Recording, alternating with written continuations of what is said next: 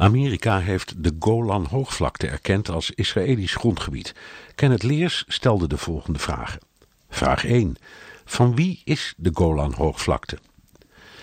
Israël veroverde de Golan in 1967 op Syrië en volgens de VN en het internationale recht is het bezet gebied. Israël zelf vond dat formeel ook, tot 1981, toen het de Golan-hoogvlaktewet aannam, die stelt dat het gebied onder de jurisdictie, het bestuur en de wet van Israël valt. Strikt genomen is dat niet hetzelfde als annexatie, maar de VN-veiligheidsraad vatte het in een resolutie wel zo op en verwierp de legitimiteit van de Israëlische wet. Vraag 2. Waarom erkent Donald Trump de annexatie wel? Om politieke redenen. Op 9 april zijn er in Israël verkiezingen en Trump wil premier Bibi Netanyahu een steuntje in de rug geven. Dat is dus openlijke bemoeienis met de interne aangelegenheden van een ander land. Hij had immers ook tot na de verkiezingen kunnen wachten.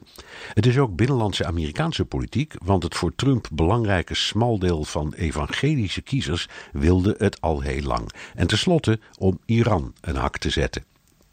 Vraag 3. Staat Amerika hier alleen in? Ja, vrijwel de hele wereld is het oneens met Trump en de Europese Unie stapte via het permanente lid Frankrijk meteen naar de Veiligheidsraad. Veel landen vinden dat Israël alle in 1967 bezette gebieden moet teruggeven, maar er zijn ook landen zoals Nederland die zeggen wat er uiteindelijk met die gebieden gebeurt moet onderdeel zijn van een vredesregeling en daarop moet je niet vooruitlopen. Vraag 4. Het is toch ondenkbaar dat Israël ooit tot teruggave van de Golan bereid zou zijn? Zeg nooit, nooit. Kort voor de Syrische burgeroorlog was Israël met president Assad aan het onderhandelen over een gedeeltelijke teruggave en ze waren al een heel eind.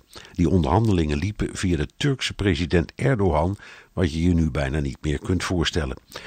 De situatie is nu veranderd omdat Iran en Hezbollah zich inmiddels in Syrië hebben ingegraven, ook vlakbij de Israëlische grens.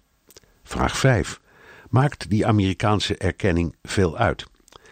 Voor Netanyahu en heel veel Israëliërs in elk geval wel.